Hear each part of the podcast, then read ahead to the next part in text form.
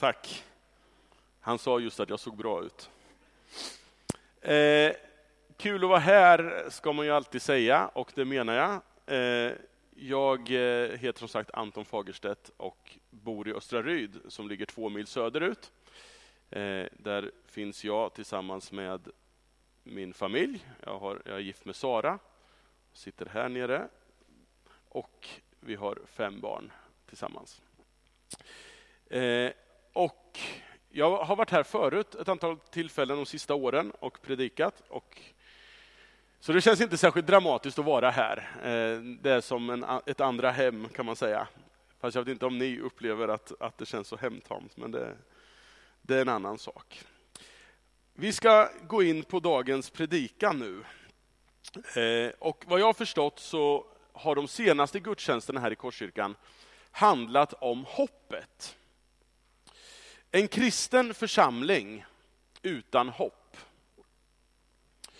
det är en hopplös församling i dubbel mening. För utan hopp kan inte en kristen församling vara det hon är ämnad till. Det som församlingen är till för är omöjligt att vara utan hopp.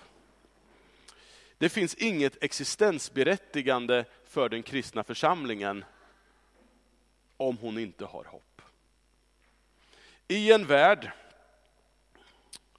som skakas av fruktansvärda konflikter, det ser vi, vi har nämnt det redan i gudstjänsten här. En värld där rekordmånga människor befinner sig på flykt från hot, terror och svält. I ett land där människor mår psykiskt dåligt som aldrig förr. I en värld, i ett land där så mycket talar för motsatsen, så har den kristna församlingen en enorm relevans i sin uppgift att förmedla att det finns hopp. Evangeliets hopp, det glada budskapets hopp, består ju i att Gud har gripit in i vår värld. Genom att Jesus har levt, dött och uppstått igen, så finns det fog för, att, för tron att allt inte går käpprätt, käpprätt ner i mörkret. Tillvaron kommer när allt kommer till allt. Att vila i Guds goda och barmhärtiga händer. Det kristna hoppet är därför ingenting som hänger på hur mycket vi lyckas hoppas, eller hur mycket vi känner, utan det kristna hoppet vilar på konkreta händelser i tid och rum. Guds rike har en gång för alla landat i vår värld och kommer därför en dag med full kraft in i vår värld. Det är det kristna hoppet om framtiden. Och det perspektiv som eh, jag vill lyfta fram idag, det är hoppet som drivkraft. Och det har ni redan fått väldigt mycket god undervisning om här. Drivkraft, det är ju någonting som får oss i rörelse. Vi ska se om vi får upp den här första bilden här. Där, tack för det. Hoppet är ju någonting som får oss i rörelse. Därför att det är en drivkraft. Om vi förhåller oss rätt till den. Det är inte säkert att hoppet driver oss framåt. För det beror på vad vi fyller detta hopp med för någonting. För den kristna tron och det kristna hoppet har inte alltid förknippats med den här rörelsen, aktiva framåtrörelsen. Marx, som ni säkert känner till, de flesta av er, ska vi se om vi får upp nästa bild här. Han sa så här i mitten på 1800-talet. Religion is the opium of the people. Och det var den kristna tron främst som han hade i åtanke när han sa så här. Han menar att det kristna hoppet, det är ett opium för folket. Och med det menar han att de kristna föreställningarna om ett gott liv efter döden gjorde att människor blev passiva. Istället för att kämpa mot förtryck och lidande i tillvaron här och nu, så menade han, så fanns det i det här hoppet en tendens i att människor satte sig ner och, ja, vi accepterar sakerna som det är för det blir ju bättre sen. Hoppet blev en hjälp att uthärda rådande missförhållanden, inte en aktiv kraft att ta sig ur dem. Men om vi läser i Bibeln, då ser vi att tro och hopp lyfts fram som någonting helt annat än den här passiva väntan som Karl Marx såg i sin omgivning. Snarare så verkar hoppet om framtiden utifrån det bibliska vittnesbördet vara en aktiverande kraft. Och jag vill ta med er till ett sammanhang i Hebreerbrevet i Nya Testamentet. Eh, läsarna av Hebreerbrevet, om man har tittat på det, om man har läst det brevet någon gång, så ser man att det verkar vara som att de vacklar i sin nyvunna tro och sin identitet som kristna. Man tycker att den här tron på Jesus, som allting så att säga bygger på, det blir lite för diffust för de här läsarna. Det blir lite för otillräckligt. Kan vi verkligen vara säkra på att det räcker med tron på Jesus? Och så riskerar man istället att återvända till den judiska trosutövningen, där det fanns lite mer handfasta liturgier, riter, föreskrifter. Det var lite mer att ta på än den här tron och då ser författaren av Hebreerbrevet ett behov att visa sina läsare att tron på hoppet i Kristus, det är vägen. Och det överträffar det gamla förbundet och det som gamla testamentet, det som judarna liksom levde i. Det överträffar det. Det är istället allt det som det pekar fram emot. Och vi ska läsa från Hebreerbrevet 11, vers 1 till 16. Och ni får den här också, ja, precis. Så här skriver författaren till Hebreerbrevet. Tron är grunden för det vi hoppas på. Den ger oss visshet om det vi inte kan se. För sin tro fick fäderna Guds vittnesbörd. I tro förstår vi att världen har formats genom ett ord från Gud och att det vi ser inte har blivit till ur något synligt. I tro bar Abel fram ett bättre offer åt Gud än Kain och fick vittnesbördet att han var rättfärdig. Gud vittnade själv om hans offer och tack vare tron talar han ännu, fast han blev dräpt. I tro togs Henok härifrån så att han inte behövde se döden. Man fann honom inte mer, ty Gud hade tagit honom härifrån. Dessförinnan fick han vittnesbördet att han hade funnit nåd hos Gud. Utan tro kan ingen finna nåd hos honom.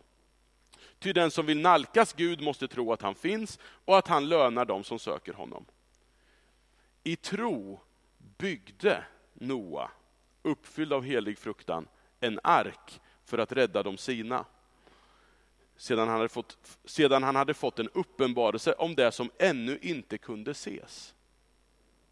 Därmed blev han till en dom över världen och fick själv del i den rättfärdighet som kommer av tro. I tro lydde Abraham när han blev kallad. Han drog bort till ett land som skulle bli hans och han drog bort utan att veta vart han skulle komma. I tro slog han sig ner i det utlovade landet som i ett främmande land och bodde i tält, liksom Isak och Jakob som hade fått del i samma löfte. Ty han väntade på den stad med fast grund som Gud själv har planlagt och byggt. I tro fick han kraft att avla en son, fast han, liksom Sara, var överårig.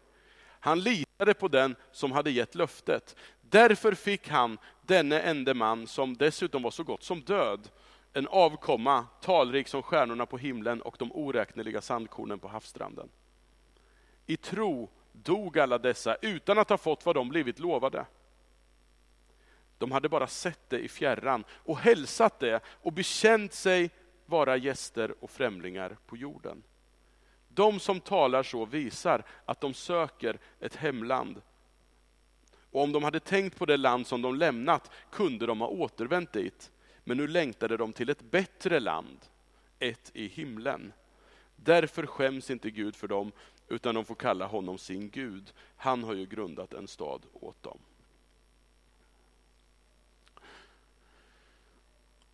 Här lyfter författaren fram exempel på människor i Gamla testamentets historia som burna av tron på ett hopp också agerat utifrån det.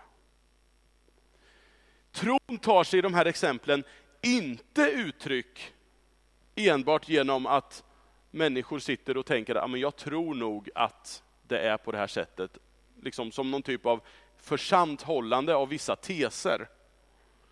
Utan tron tar sig uttryck genom att man agerat utifrån någonting som man upplever att Gud har sagt om framtiden. Noa byggde en ark. Abraham drog bort till ett land. Och senare i kapitlet lyfts ännu fler exempel fram. Isak, Jakob, Josef, Mose. För att illustrera just den här poängen. Författaren går så långt att han till och med hävdar att det hopp som drev de här människorna, det var i grunden det hopp som nu hade blivit synligt genom Jesu liv, död och uppståndelse. Ett bättre land, ett i himlen. Gud har gett oss kristna hopp om ett bättre land. Och tron på detta blir en drivkraft att redan nu agera för att det här hoppet ska bli verklighet. Här, nu, fort. Jesus uppmanar oss ju att be, låt ditt rike komma. Det här är ju en bön om att Guds framtid ska komma i vårat nu. Om vi ber, låt ditt rike komma, låt din vilja ske på jorden så som i himlen. Alltså framtiden nu.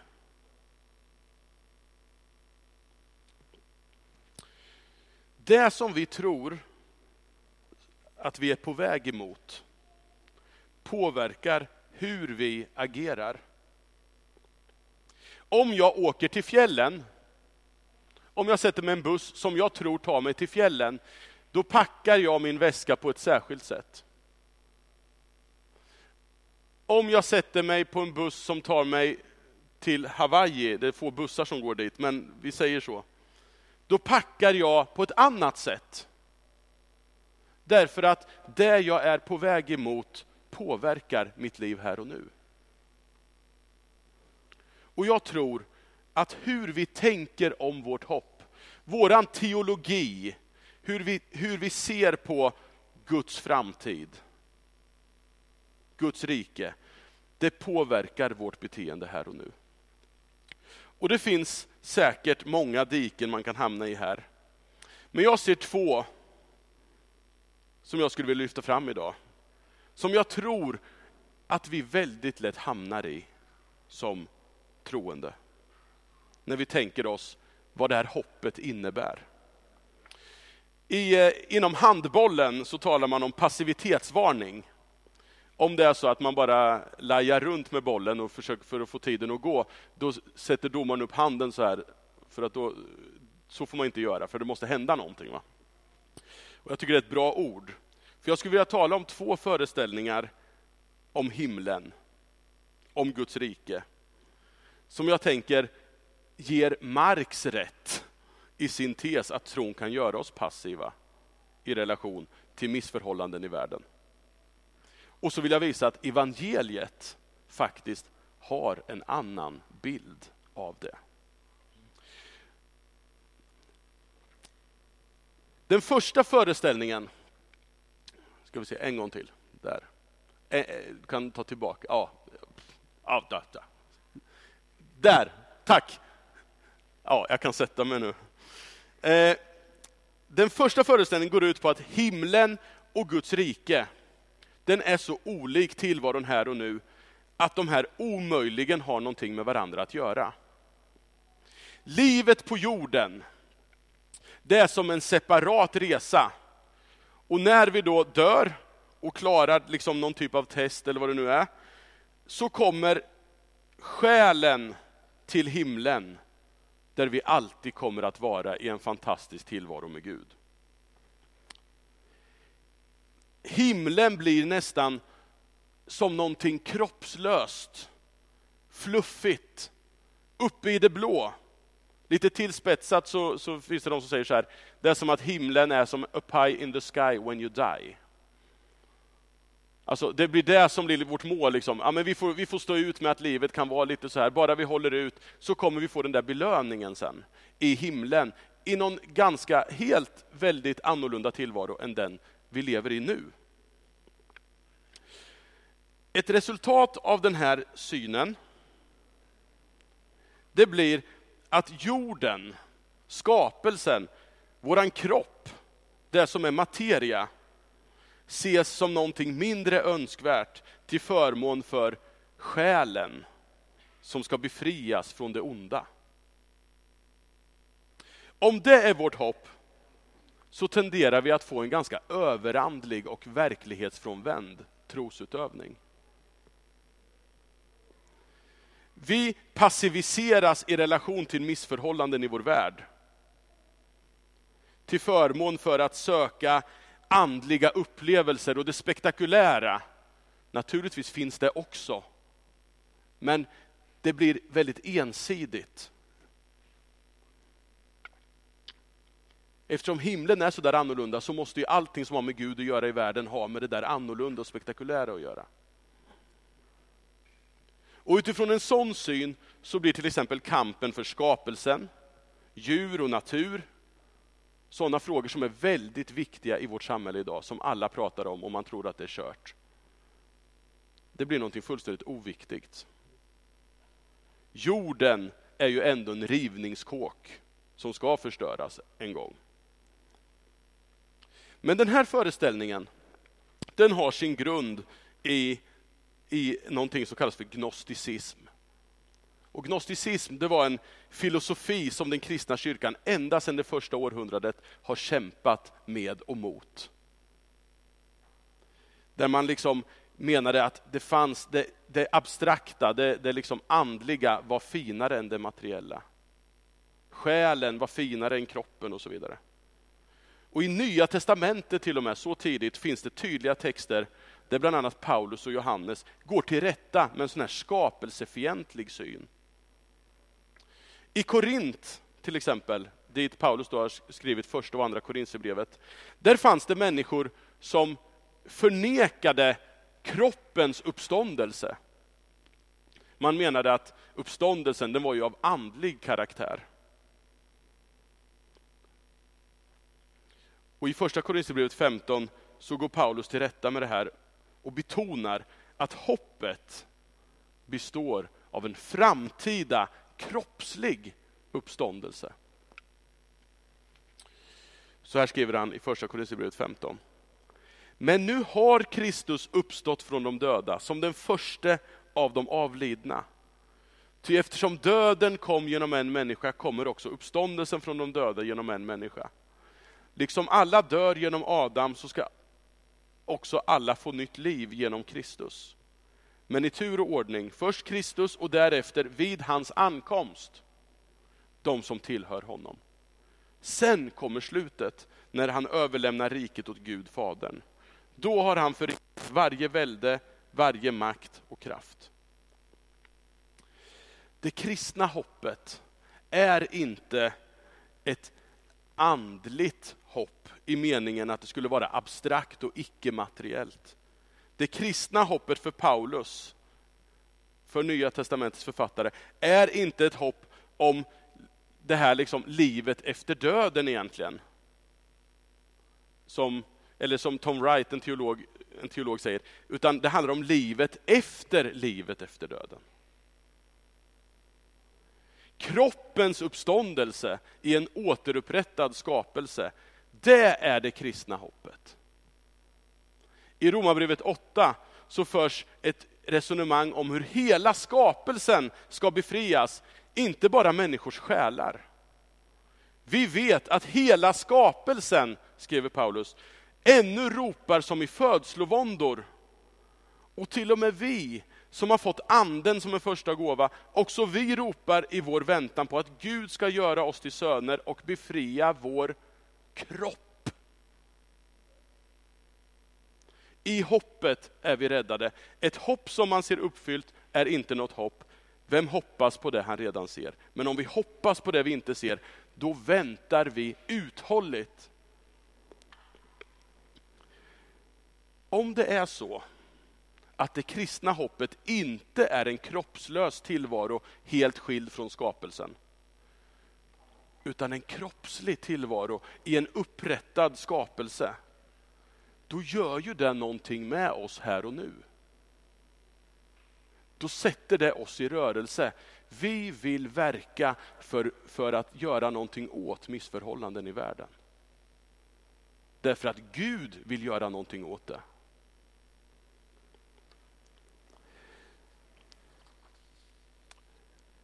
Den andra passivitetsvarningen, det är rädslan att göra fel. Det finns inget mer destruktivt än rädsla. Många förknippar tanken om tidens slut, Jesu återkomst. För det är ju det hoppet innebär, att Jesus kommer tillbaka och upprättar sitt rike. Många förknippar det här med rädsla. Tänk om jag inte duger när det är dags. Tänk om jag inte har trott tillräckligt mycket. Tänk om jag har alldeles för mycket på minuskontot. Eller vad det nu kan vara för tankar vi har. En del är uppvuxna med en undervisning som istället för att frigöra människor med det här fantastiska budskapet, Jesus kommer snart. Wow! Så har man bundit människor i fruktan med det här hotande budskapet om att Jesus kommer snart. Whoops. Det är skillnad på wow och whoops.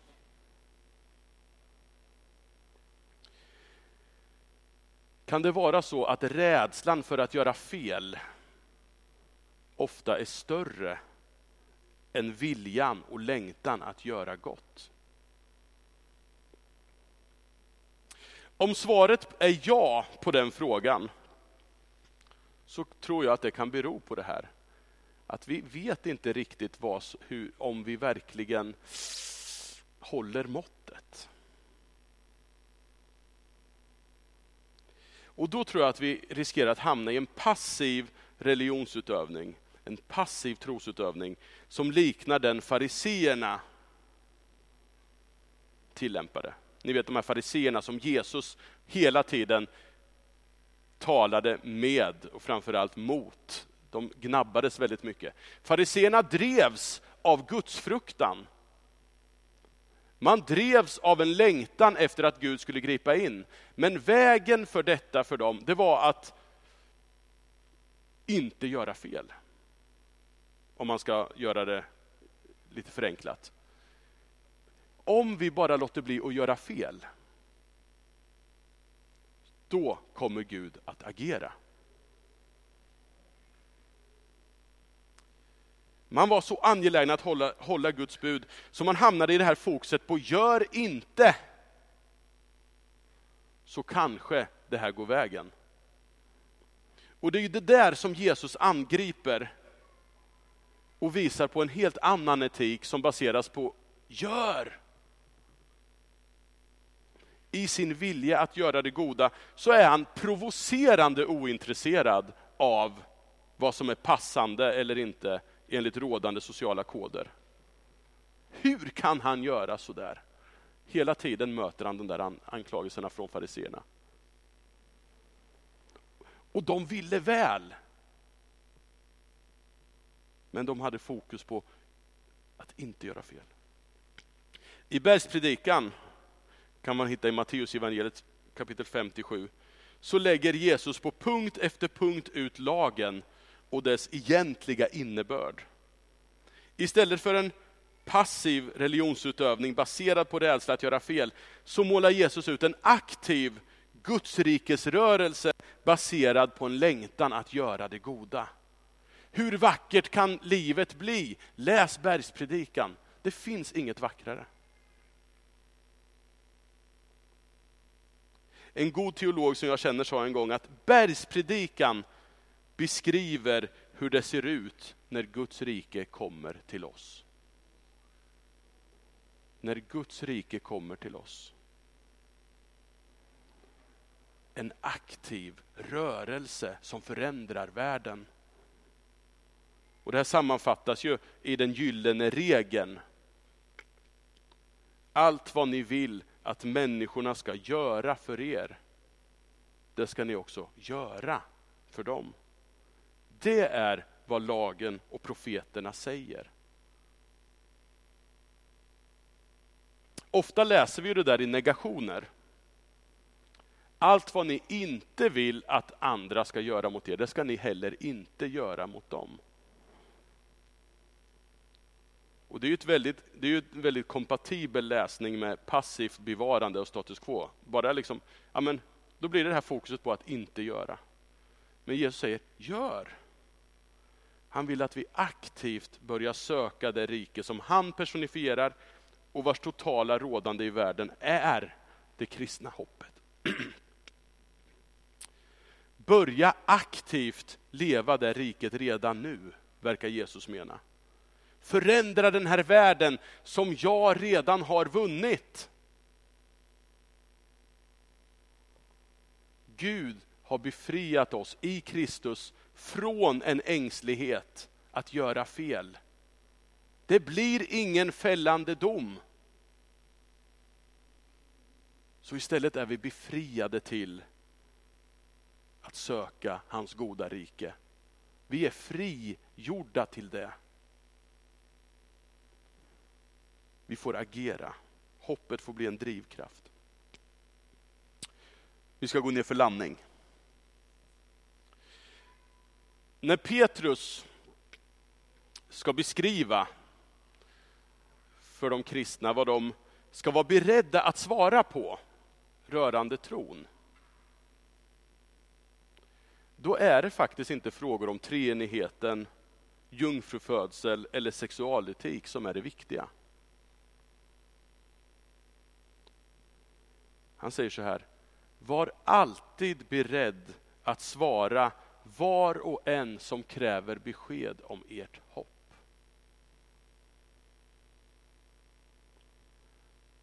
Om ert hopp. Hoppet om att Guds rike en dag bryter in med full kraft i världen är det som mer än något annat borde vara drivkraften i den kristna församlingen.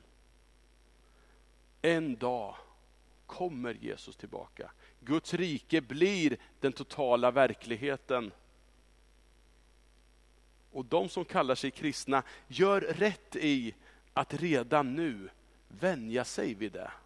Att söka det här rikets liv. För det är visserligen någonting som vi inte kan beskriva, för det är någonting så fantastiskt som vi inte kan tänka oss. Men det är inte så abstrakt så att vi inte kan söka det redan nu.